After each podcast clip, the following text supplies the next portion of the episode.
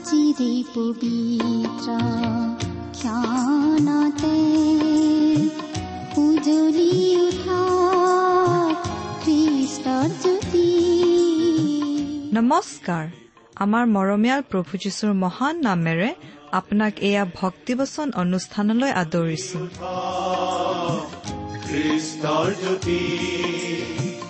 আকাশ বতাহ মুখৰিত কৰি গাঁও হাৱে মিলি প্ৰশংসা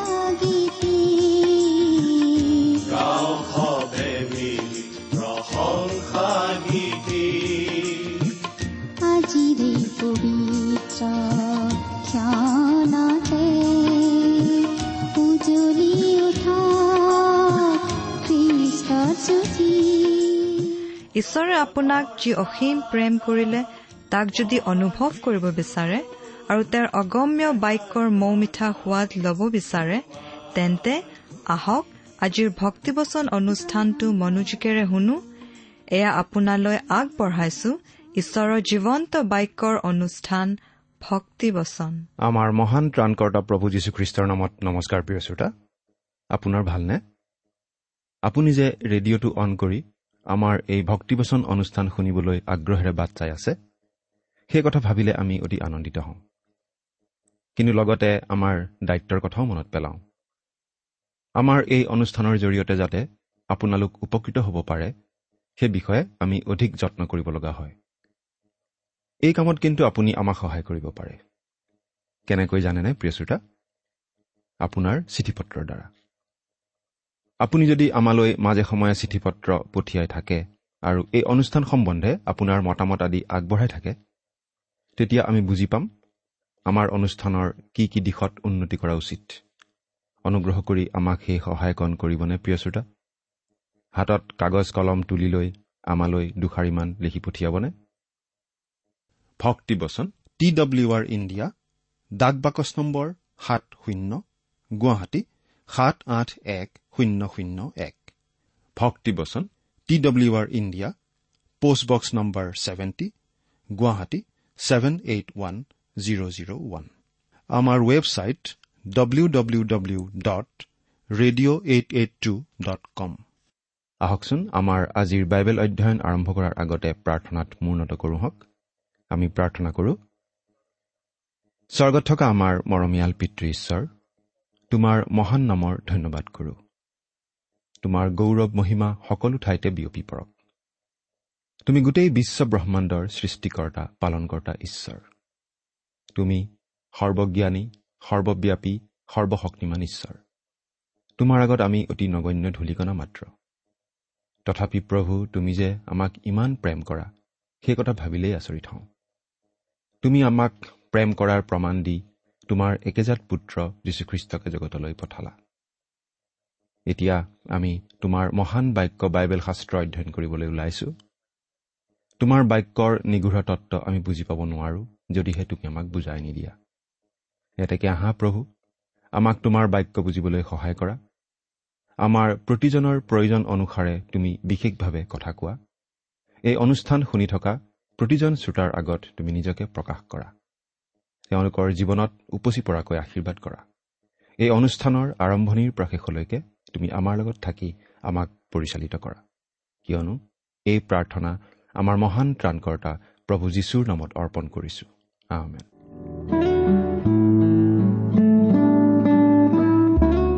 প্ৰিয় শ্ৰোতা আপুনি বাৰু আমাৰ এই ভক্তিবচন অনুষ্ঠান নিয়মিতভাৱে শুনি আছেনে? আমি বাৰু এতিয়া কি অধ্যয়ন কৰি আছো? আপোনাৰ মনত আছেনে? আমি আজি কিছুদিন ধৰি বাইবেলৰ নতুন নিয়ম খণ্ডৰ পিতৰৰ দ্বিতীয় পত্ৰ বা চমুকৈ দ্বিতীয় পিতৰ পুস্তকখন অধ্যয়ন কৰি আছো। নহয় জানো? যোৱা অনুষ্ঠানত আমি এই দ্বিতীয় পিতৰ পুস্তকৰ প্ৰথমটো অধ্যায়ৰ শেষ পদলৈকে আমাৰ আলোচনা আগবঢ়ালো। প্ৰথম অধ্যায়ত আমি দেখিলো যে প্ৰভু যীশুৰ পোহৰে মানুহক এই মন্দ জগতৰ পৰা টানি আনি ঈশ্বৰৰ প্ৰতি আকৰ্ষিত কৰে। কিন্তু এতিয়া আমি দ্বিতীয় অধ্যায়ত দেখিবলৈ পাম যে কিছুমান শক্তিয়ে মানুহক ঈশ্বৰৰ পৰা আঁতৰাই ৰাখি মন্দ জগতত ব্যস্ত ৰাখিব খোজে। এই শক্তিয়েই জগতখনক ঈশ্বৰৰ প্ৰতি বিমুখ কৰি ৰাখিবলৈ চেষ্টা কৰে। এই দ্বিতীয় অধ্যায়ত পিতৰে যিবোৰ কথা আমাক ক'ব সেইবোৰ কথা আমি আজিৰ সমাজত আজিৰ জগতত ঘটি থকা দেখি আহিছোঁ। বাৰু এতিয়া আমি বাইবেলৰ পৰা পাঠ কৰি দিম। আপোনাৰ লগত যদি বাইবেল আছে অনুগ্ৰহ কৰি চাই যাব। নহ'লে মন দি শুনিব দেই। পাঠ কৰি দিছোঁ। দ্বিতীয় পিতৰ দ্বিতীয় অধ্যায় প্ৰথম পদ। তথাপি মানুহবিলাকৰ মাজত ভাৰী কোৱা ভাৱবাদীসকল উৎপন্ন হ'ল। সেইদৰে তোমালোকৰ মাজতো ভাৰী কোৱা উপদেশক উপস্থিত হৈ গুপুতে বিনাশৰূপ বিধৰ্ম প্ৰচলিত কৰিব। যিজনাই তেওঁবিলাকক কিনিলে সেই প্ৰভুক অস্বীকাৰ কৰিব। এইদৰে নিজে নিজৰ আকস্মিক বিনাশ ঘটাব। তথাপি মানুহবিলাকৰ মাজত ভাৰী কোৱা ভাৱবাদীসকল উৎপন্ন হ'ল। প্ৰথমেই আমি এটা কথা মনত ৰখা উচিত যে পাচনি পিতৰে এই পত্ৰখন লিখিছিল জিহুদী খ্ৰীষ্টীয় বিশ্বাসীসকললৈ। আৰু ইয়াত যে তেওঁ মানুহবিলাক বুলি কৈছে তেওঁ আচলতে ইছৰাইলৰ লোকসকলৰ কথাকে বুজাইছে। ইছৰাইলৰ লোকসকলৰ মাজত ভাৰী কোৱা বা ভুৱা ভাৱবাদী ওলাইছিল। ভাৱবাদী বুলি নিজকে চিনাকি দিয়া লোক কিন্তু আচলতে ভাৱবাদী অৰ্থাৎ ঈশ্বৰৰ মুখপাত্ৰ বা ঈশ্বৰৰ কথা কোৱা লোক নহয় এনেকুৱা ভুৱা ভাৱবাদী লোকবিলাকৰ মাজত ওলাইছিল। পিতৰে কৈছে সেইদৰে তোমালোকৰ মাজতো ভাৰী কোৱা উপদেশক উপস্থিত হৈ অৰ্থাৎ পিতৰে সাৱধান কৰি দিছে যে আনকি খ্ৰীষ্টীয় বিশ্বাসীসকলৰ মাজতো খ্ৰীষ্টীয় মণ্ডলীটো ভাৰী কোৱা উপদেশক ওলাব। পুৰণি নিয়মৰ দিনত বহুতো ভাৰী কোৱা ভাৱবাদী ওলাইছিল। কিন্তু এতিয়া আমাৰ মাজত ভাৰী কোৱা উপদেশক শিক্ষক প্ৰচাৰক আদি ওলাইছে। প্ৰিয় শ্ৰোতা আজি আমি ভাৰী কোৱা ভাৱবাদীৰ কাৰণে ভয় খাবলগীয়া নহয়। কাৰণ তেনে লোকক চিনি পোৱাটো আজি আমাৰ কাৰণে বিশেষ একো সমস্যা নহয়। আজি যদি কোনো লোকে ভাৱবাদীৰ ভাও ধৰি কিবা ভাৱবাণী কয় খুব সোনকালেই তেনে লোক মিছলীয়া বুলি প্ৰমাণিত হ'বই। সেই বিষয়ে সন্দেহ নাই। এনেকুৱা বহুত ঘটনা ঘটি আছে আৰু আমি বহুতো উদাহৰণ দিব পাৰোঁ। দ্বিতীয় বিশ্বযুদ্ধৰ সময়ত পশ্চিমীয়া দেশ এখনৰ এজন মানুহে ভাৱমানি কৰিছিল যে জগতৰ শেষ দিন উপস্থিত হৈছে আৰু ঊনৈছশ তিৰাল্লিছ চনৰ পোন্ধৰ ছেপ্টেম্বৰ তাৰিখে জগতৰ অন্ত পৰিব। সেই দিনটো আহিল আৰু সেই মানুহজনৰ চোতালত অসংখ্য সাংবাদিক আৰু আন আন উৎসুক লোক আহি গোট খালেহি। তেওঁলোকে বাট চাই থাকিল। অৱশেষত সেই মানুহজন বাহিৰ ওলাই আহিল আৰু ক'লে যে তেওঁৰ হিচাপত ভুল হ'ল। আচলতে তাৰ পিছৰ বছৰ সেই একে তাৰিখে পৃথিৱী ধ্বংস হ'ব। অৰ্থাৎ ঊনৈছশ চৌৰাল্লিছ চনৰ পোন্ধৰ ছেপ্টেম্বৰ তাৰিখে। কিছুমান খ্ৰীষ্টীয় বিশ্বাসীয়ে সেই মানুহজনৰ ভৱিষ্যৎবাণীক লৈ অলপ চিন্তিত হৈছিল আৰু তেওঁলোকে বাতৰি কাকতত এটা বিজ্ঞপ্তি দিব খুজিছিল। তেতিয়া এজন বিজ্ঞ লোকে ক'লে কোনো দৰকাৰ নাই। ঊনৈছশ চৌৰাল্লিছ চনৰ পোন্ধৰ ছেপ্টেম্বৰত সেই মানুহজন মিছলীয়া বুলি আকৌ প্ৰমাণিত হ'বই। আৰু আমি সকলোৱে জানো যে সেই দিনটোত পৃথিৱী ধ্বংস নহ'ল। এই যুগৰ অন্তও নপৰিল। বাতৰি কাকতত সেই মানুহজনক ঠাট্টা বিদ্ৰূপ কৰি বহু কথাই লিখিলে। অৱশ্যে এনেকুৱা ঘটনাই খ্ৰীষ্টীয় বিশ্বাসী সমাজক কিছু আঘাত কৰে। কিন্তু এনেকুৱা মানুহ ওলাই থাকে আৰু থাকিবই বুলি আমাক বাইবেলে স্পষ্টভাৱে জনাই দিছে।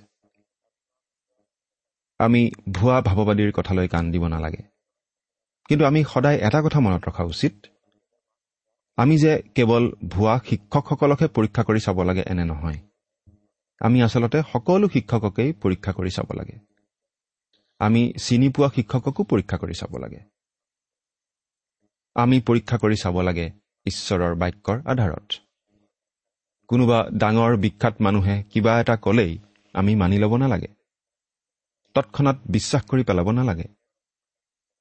এজন ছানডে স্কুল শিক্ষকে এনেদৰে কৈছিল মই এটা ছানডে স্কুলৰ শ্ৰেণীত নিয়মিতভাৱে পাঠদান কৰোঁ।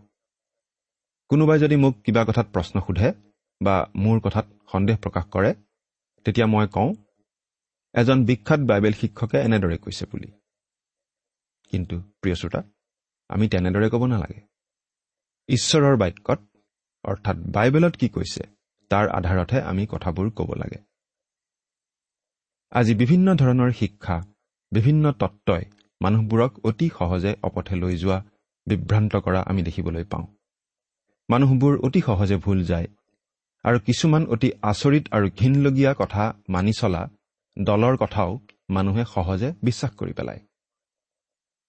আমাৰ এই জগতখন কিমান যে ভুৱা বিশ্বাস ভুৱা পন্থাৰ জন্ম হৈ আছে তাৰ লেখ জোখ নাই।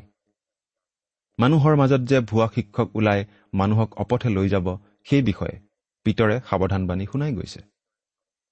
কিন্তু মানুহে সেইবোৰলৈ যেন কাণসাৰি নকৰে।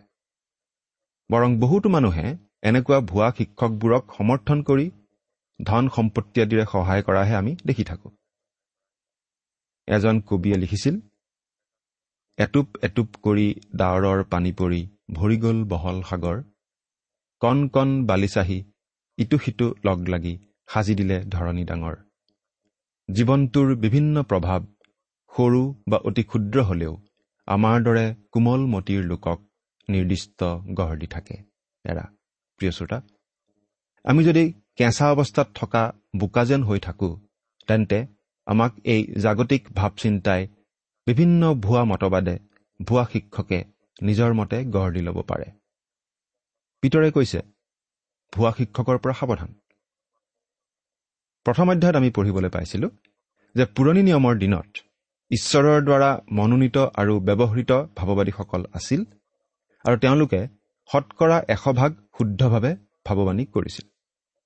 কাৰণ সেই ভাৱবাণী ঈশ্বৰৰ পৰা আহিছিল। সেই ভাৱবাদীসকল আছিল সঁচা ভাৱবাদী। কিন্তু এতিয়া পিতৰে কৈছে মানুহবোৰৰ মাজত ভাৰী কোৱা ভাৱবাদীও আছিল। ইছৰাইল জাতিৰ মাজত প্ৰকৃত ভাৱবাদীও আছিল ভুৱা ভাৱবাদীও আছিল। ইয়াৰ এটা উদাহৰণ আমি পাওঁ আহব ৰজা আৰু জিহুচাফত ৰজাই অৰামীয়াবিলাকৰ বিৰুদ্ধে যুদ্ধ কৰিবলৈ আগবাঢ়ি যোৱাৰ সময়ত। এই কথা আমি পঢ়িবলৈ পাওঁ। প্ৰথম ৰজা বুলি বাইছ নম্বৰ অধ্যায়ত। তেওঁলোকে বেল দেৱতাৰ উপাসক এজন ভুৱা ভাৱবাদী গোটাই আনিছিল আৰু সেই ভুৱা ভাৱবাদীবিলাকে তেওঁলোকক যুদ্ধলৈ ওলাই যাবলৈ কৈছিল। কিন্তু সেই ভাৱবাদীবিলাকে যে ঈশ্বৰৰ পৰা ভাৱবাণী পোৱা নাছিল সেই কথা জীহুচাফত ৰজাই লগে লগে বুজি পাইছিল আৰু তেওঁক কৈছিল ইয়াত জানো ঈশ্বৰৰ প্ৰকৃত ভাৱবাদী কোনো নাই? আহব ৰজাই কৈছিল এজন আছে কিন্তু তেওঁক মই বন্দীশালত ৰাখোঁ কাৰণ তেওঁ মোৰ বিষয়ে একো ভাল কথা নকয়। আজিও আমি দেখিবলৈ পাওঁ যে বহুতো মানুহে কিছুমান শিক্ষকক ভাল নাপায় কাৰণ তেনে শিক্ষকে তেওঁলোকক তোষামোদ নকৰে তেওঁলোকৰ বিষয়ে ভাল কথা নকয়। কবলৈ থাকিলেহে কব। আহব্ৰজাও তেনেকুৱা আছিল। ঈশ্বৰৰ প্ৰকৃত ভাৱবাদীজন আছিল মিখায়া। তেওঁ সত্য কথা কৈছিল আৰু আহব্ৰজাই শুনিবলৈ ভাল নাপাইছিল। মিখায়াক মাতি অনা হ'ল আৰু তেওঁ আহব্ৰজাক ক'লে আপুনি যদি যুদ্ধলৈ যায় যুদ্ধত আপোনাৰ মৃত্যু হ'ব। আহব্ৰজাই জিহুচাফত ৰজাক ক'লে দেখিলেনে? তেওঁ মোৰ বিষয়ে একো ভাল কথা নকয়। আহব্ৰজাই মিখায়াৰ কথালৈ কাণ নিদিলে আৰু যুদ্ধলৈ গৈ ঠিক মিখায়াই কোৱাৰ দৰেই যুদ্ধত মৃত্যুবৰণ কৰিব লগা হ'ল। মিখায়া আছিল ঈশ্বৰৰ প্ৰকৃত ভাৱবাদী। কিন্তু সেই সময়ত কেইবাশও ভুৱা ভাৱবাদীও আছিল। সেইদৰে তোমালোকৰ মাজতো ভাৰী কোৱা উপদেশক উপস্থিত হৈ ডক্তৰ মাৰ্ভিন আৰ ভিনচেণ্ট নামৰ বিখ্যাত পণ্ডিত এজনে লিখিছে যে এই ভাৰী কোৱা উপদেশকৰ মূল গ্ৰীক শব্দটো চিউড ডিডাছকালছ আৰু এই শব্দটো নতুন নিয়মৰ কেৱল এই ঠাইতেই উল্লেখ কৰা হৈছে। এই ভাৰী কোৱা শিক্ষকসকলেই আজি খ্ৰীষ্টীয় মণ্ডলীৰ বাবে এটা ডাঙৰ বিপদ। ভাৰী কোৱা উপদেশক মানেনো কি বাৰু?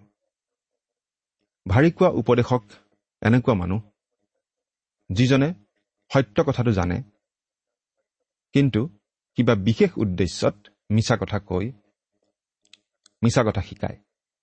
হয়তো কিবা ব্যক্তিগত স্বাৰ্থত বা হয়তো মানুহক তোষামোদ কৰিবলৈ বা হয়তো কিবা ধন লাভৰ আশাত তেওঁ তেনেকুৱা কৰে। এনেকুৱা উপদেশক বহুতো আছে।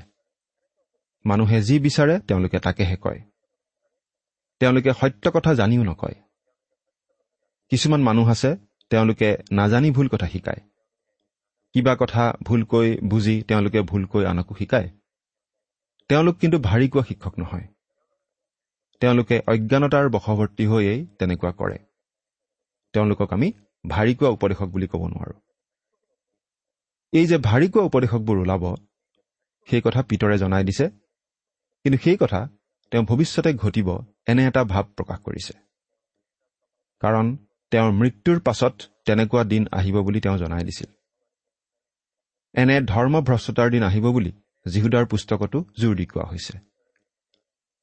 ঈশ্বৰে যেতিয়া কোনো এটা কথা গুৰুত্ব সহকাৰে জনাব খোজে তেওঁ সেই কথা একাধিকবাৰ কয়। সেইবাবে পিতৰৰ যোগেদি কোৱা কথা ঈশ্বৰে যীহুদাৰ যোগেদিও কোৱাইছে। অৱশ্যে যীহুদাৰ পত্ৰত আমি পাওঁ যে ইতিমধ্যেই ভুৱা শিক্ষক ওলাইছে। অৰ্থাৎ পিতৰে কোৱাৰ দৰে কিছুদিন পাছতেই খ্ৰীষ্টীয় মণ্ডলীত ভুৱা উপদেশকৰ আৱিৰ্ভাৱ হৈছিল।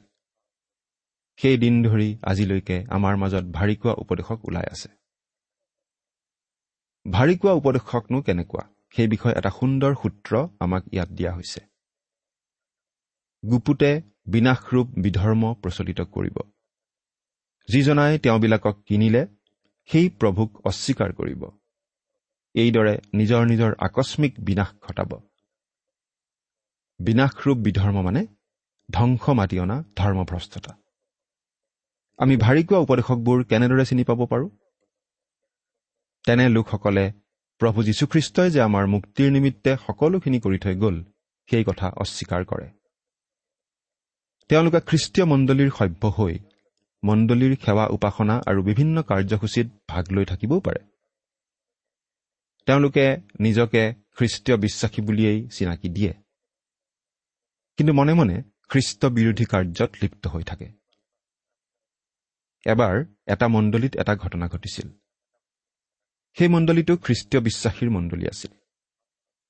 মানুহবোৰ খুব ভাল খ্ৰীষ্টিয়ান আছিল। বহুতো লোকে নিয়মিতভাৱে সেৱা উপাসনাত যোগ দিছিল। তেওঁলোকে মণ্ডলীৰ বাবে এজন নতুন পালক বিচাৰিলে আৰু এজন লোক পালক হ'বলৈ আহিল। তেওঁক সাক্ষাৎকাৰ লোৱা হ'ল। তেওঁ সোধা হ'ল। আপুনি বাইবেল ঈশ্বৰৰ বাক্য বুলি বিশ্বাস কৰেনে? তেওঁ ক'লে হয় কৰোঁ। তেনেদৰে খ্ৰীষ্টীয় বিশ্বাসৰ সকলোবোৰ গুৰুত্বপূৰ্ণ কথাই তেওঁ বিশ্বাস কৰোঁ বুলি ক'লে। তেওঁক পালক হিচাপে নিযুক্তি দিয়া হ'ল। দুবছৰমান পাছত দেখা গ'ল যে সেই মণ্ডলীৰ সভ্যবিলাকৰ সংখ্যা কমি গৈ গৈ প্ৰায় নোহোৱা হৈ পৰিছে। সেই মণ্ডলীৰ বেছিভাগ লোকে আন মণ্ডলীৰ সেৱা উপাসনাত যোগ দিবলৈ আৰম্ভ কৰিছে। কিয় বাৰু? কাৰণ সেই পালকজন আচলতে দুতলীয়া লোক আছিল। তেওঁ আনৰ আগত ফাঁকি দি চলিছিল। তেওঁ মুখেৰে যি কথা কৈছিল আচলতে তাৰ বিপৰীত কামহে তেওঁ কৰিছিল। তাৰ ফলত মানুহবিলাকে সেই মণ্ডলী এৰি আন মণ্ডলীত যোগ দিবলৈ আৰম্ভ কৰিছিল। অৱশ্যে ভাৰী কোৱা উপদেশকসকলেও কিছুমান সঁচা কথা কয়। কিন্তু সেই সঁচা কথাবিলাকৰ লগত ভুৱা তত্ব তেওঁলোকে মিহলাই দিয়ে। সঁচাৰ লগত মিছাও তেওঁলোকে মিহলাই দিয়ে। আৰু সেইবাবে বহুতো মানুহে কথাটো ধৰিবই নোৱাৰে। প্ৰভু যীশুৱে এই বুলি সাৱধান কৰি দিছিল। মুঠিয়ে লিখা শুভবাৰ্তা সাত নম্বৰ অধ্যায়ৰ পোন্ধৰ নম্বৰ পদ। পাঠ কৰি দিছো। যিবোৰ ভাৰী কোৱা ভাৱবাদীয়ে মেৰৰ বেশ ধৰি তোমালোকৰ ওচৰলৈ আহে কিন্তু ভিতৰে গ্ৰাসকাৰী ৰাং কুকুৰ সিহঁতলৈ সাৱধান হোৱা। ইফিচত থকা মণ্ডলীক সম্বোধন কৰি পাচনি পৌলে তেওঁলোকক এই বুলি সাৱধান কৰি দিছিল। পাচনি কৰ্ম বিশ নম্বৰ অধ্যায়ৰ ঊনত্ৰিশ নম্বৰ পদত আছে মই যোৱাৰ পাছত দুৰ্জন ৰাং কুকুৰবোৰে তোমালোকৰ মাজত সোমাই জাকলৈ নিৰ্দয় আচৰণ কৰিব। ভেড়াৰ বেশত অহা কুকুৰ নেচিয়া বাঘে গোটেই ভেড়াৰ জাকটোকে একেবাৰে চেদেলি ভেদেলি কৰি পেলাব পাৰে। ভাৰী কোৱা ভাৱবাদীবিলাকো তেনেদৰে বেলেগ বেশত আহিব ভেড়াৰ বেশত আহিব কিন্তু পাছত গোটেই জাকটোকেই চেদেলি ভেদেলি কৰি পেলাব। প্ৰিয় শ্ৰোতা আমি এইবোৰ কথা ভালদৰে বুজি পাব লাগে। আৰু ভালদৰে বুজি পাই আমি অতিশয় সাৱধান হ'ব লাগে।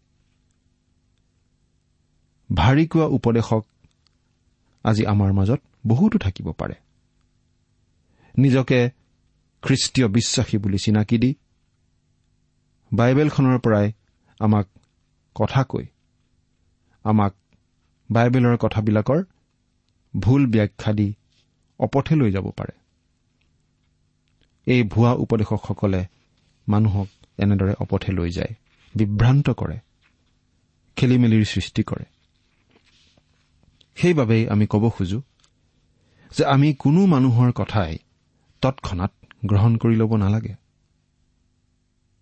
বাইবেলত কি কি কথা আছে সেই কথাবোৰ আমি নিজেও অধ্যয়ন কৰি জানি ল'ব লাগে। কোনো এটা কথা বাইবেলত আছে বুলি ক'লেই আমি তৎক্ষণাত মানি ল'ব নালাগে। সঁচাকৈয়ে বাইবেলতনো কেনেদৰে লিখা আছে আমি পঢ়ি চোৱা উচিত। কাৰণ কোনো এটা বাক্যৰ পৰা এটা দুটা শব্দ গুচাই দিলেই গোটেই বাক্যটোৰ অৰ্থই বেলেগ হৈ যাব পাৰে নহয় জানো? মুঠতে আমি ঈশ্বৰৰ বাক্যতেই দৃঢ় খোপনি লৈ থকা উচিত। বাৰু এতিয়া আমি দুই নম্বৰ পদটো চাওঁ হওক। আৰু অনেকে তেওঁবিলাকৰ লম্পট আচৰণৰ অনুগামী হ'ব। তেওঁবিলাকৰ কাৰণেই সত্যৰ পথ নিন্দিত হ'ব। আৰু অনেকে তেওঁবিলাকৰ লম্পট আচৰণৰ অনুগামী হ'ব। প্ৰথমতেই আমি মন কৰা উচিত যে এই ভাৰী কোৱা উপদেশকবোৰৰ আচৰণক লম্পট আচৰণ বুলি কোৱা হৈছে। লম্পট বুলি ক'লে আমি কি বুজো? লম্পট বুলি ক'লে আমি কুচৰিত্ৰৰ নৈতিকতা নোহোৱা মানুহকেই সাধাৰণতে বুজো। যৌন বিষয়ক কথাত লাভবান নোহোৱা কাম কৰা মানুহক বুজো। ভাৰী কোৱা উপদেশকসকল দেখাত অতি ভব্যগব্য অতি ধাৰ্মিক লোক যেন হলেও আচলতে তেওঁবিলাকৰ আচৰণ লম্পট আচৰণ বুলি ইয়াত কোৱা হৈছে। অতি চোকা ভাষাৰ কথা ইয়াত ব্যৱহাৰ কৰা হৈছে নহয়নে বাৰু? আৰু বহুতো লোকে এনেধৰণৰ ভুৱা শিক্ষকবোৰৰ অনুগামী হ'ব। খ্ৰীষ্টীয় মণ্ডলীৰ বহুতো লোকক তেওঁলোকে ভুল পথে লৈ যাব। কিন্তু আমি ভাবো প্ৰকৃত বিশ্বাসীসকলক তেওঁলোকে চিৰদিনৰ বাবে অপথে নিব নোৱাৰে। কিছুদিনৰ বাবে ভুল পথে গলেও প্ৰকৃত খ্ৰীষ্টীয় বিশ্বাসীজনে ভুল বুজি পাবই আৰু ভুল বুজি পাই আকৌ প্ৰকৃত পথলৈ ঘূৰি আহিবই। কিন্তু ভুৱা বিশ্বাসীসকল এই ভুৱা উপদেশবিলাকৰ পিছে পিছে যাব। ভুৱাসকলে ভুৱাসকলৰ পিছতেই যাব। আচলতে এনেকুৱা ভুৱা মতবাদ ভুৱা তত্ব ভুৱা শিক্ষক আদিক আৱিৰ্ভাৱ হবলৈ ঈশ্বৰেই দিয়ে যাতে খ্ৰীষ্টীয় মণ্ডলী পৰিষ্কাৰ হ'ব পাৰে। যাতে ভুৱা বিশ্বাসীসকল নিজে নিজেই প্ৰকৃত মণ্ডলীৰ পৰা আঁতৰ হৈ যায়। কাৰণ ভুৱা খ্ৰীষ্টীয় বিশ্বাসীসকলহে ভুৱা উপদেশকৰ পাছে পাছে যায়। বতাহে ধানৰ পৰা পতান উৰুৱাই নিয়াৰ নিচিনাকৈ ভুৱা উপদেশকবোৰেও মণ্ডলীৰ পৰা ভুৱা বিশ্বাসীবোৰ আঁতৰাই লৈ যায়। এই বিষয়ে পাচনি পৌলে লিখি থৈ গৈছে। প্ৰথম কৰিন্ঠিয়া এঘাৰ নম্বৰ অধ্যায়ৰ ঊনৈশ নম্বৰ পদটো চাওঁচোন কি লিখা আছে? কিয়নো তোমালোকৰ মাজৰ পৰীক্ষাসিদ্ধ মানুহবিলাক প্ৰকাশিত হবলৈ তোমালোকৰ মাজত নানা মতো হ'ব লাগে। আন কথাত কবলৈ গ'লে প্ৰকৃত খ্ৰীষ্টীয় বিশ্বাসীসকল সেই ভুল পথে নাযাব। প্ৰভু যীশুৱে কোৱা কথা এষাৰ এইখিনিতে আমি মনত পেলোৱা উচিত। প্ৰভু যীশুৱে কৈছিল মোৰ মেৰবিলাকে হলে মোৰ মাত শুনে। ময়ো সেইবিলাকক জানো আৰু সেইবিলাক মোৰ পাছে পাছে আহে। জোহন দহ নম্বৰ অধ্যায়ৰ সাতাইছ নম্বৰ পদ। প্ৰিয় শ্ৰোতা কোনো ভুৱা শিক্ষকৰ পিছে পিছে দলে দলে আন মানুহবিলাকক যোৱা দেখিলেও আমি হতাশ হ'ব নালাগে। কাৰণ প্ৰকৃত বিশ্বাসীসকল কেতিয়াও তেনেদৰে নাযায়। আৰু অজ্ঞানতাবশতঃ যদি যায়ো এদিন আকৌ ঘূৰি আহিবই। কিন্তু আপুনি বাৰু প্ৰভু যীশুত থিৰে আছেনে? চিন্তা কৰি চাওকচোন। ঈশ্বৰে আপোনাক আশীৰ্বাদ কৰক। আহমেন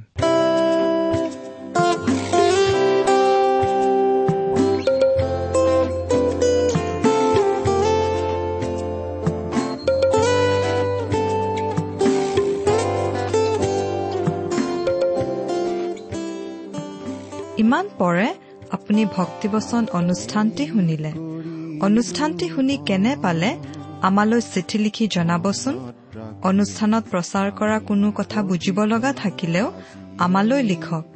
আমাৰ ঠিকনা ভক্তিবচন টি ডাব্লিউ আৰ ইণ্ডিয়া ডাক পাকচ নম্বৰ সাত শূন্য গুৱাহাটী সাত আঠ এক শূন্য শূন্য এক।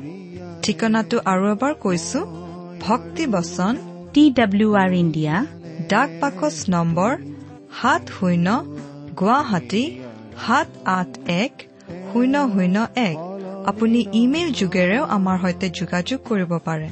আমাৰ ইমেইল আইডিটো হৈছে Assamese T TV at radio' eight eight two dot com.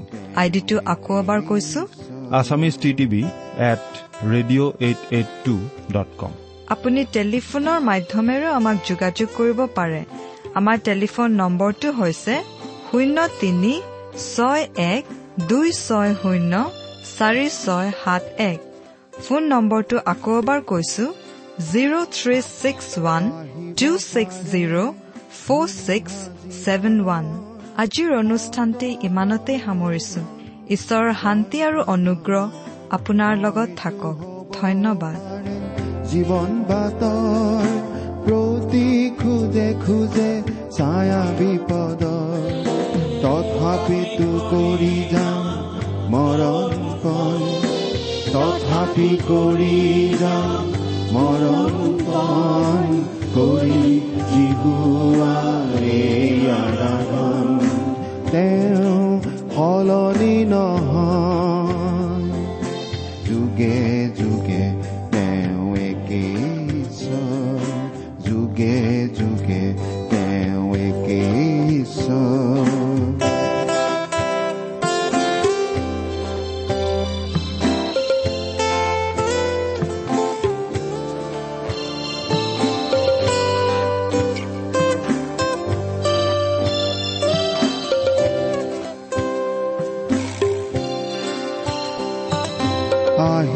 পাৰে ধুমুহা জীৱনৰ শত প্ৰলোভন ছয়তানৰ। হয়তো হ'ব পাৰে জীৱন বাটৰ প্ৰতি খোজে খোজে ছায়া বিপদ তথাপিতো কৰি যাম পণ তথাপি কৰি যাম পণ কৰি জীহুৱাৰে আৰাধন তেওঁ সলনি নহয় যুগে যুগে তেওঁ ঈশ্বৰ যুগে যুগে তেওঁ ঈশ্বৰ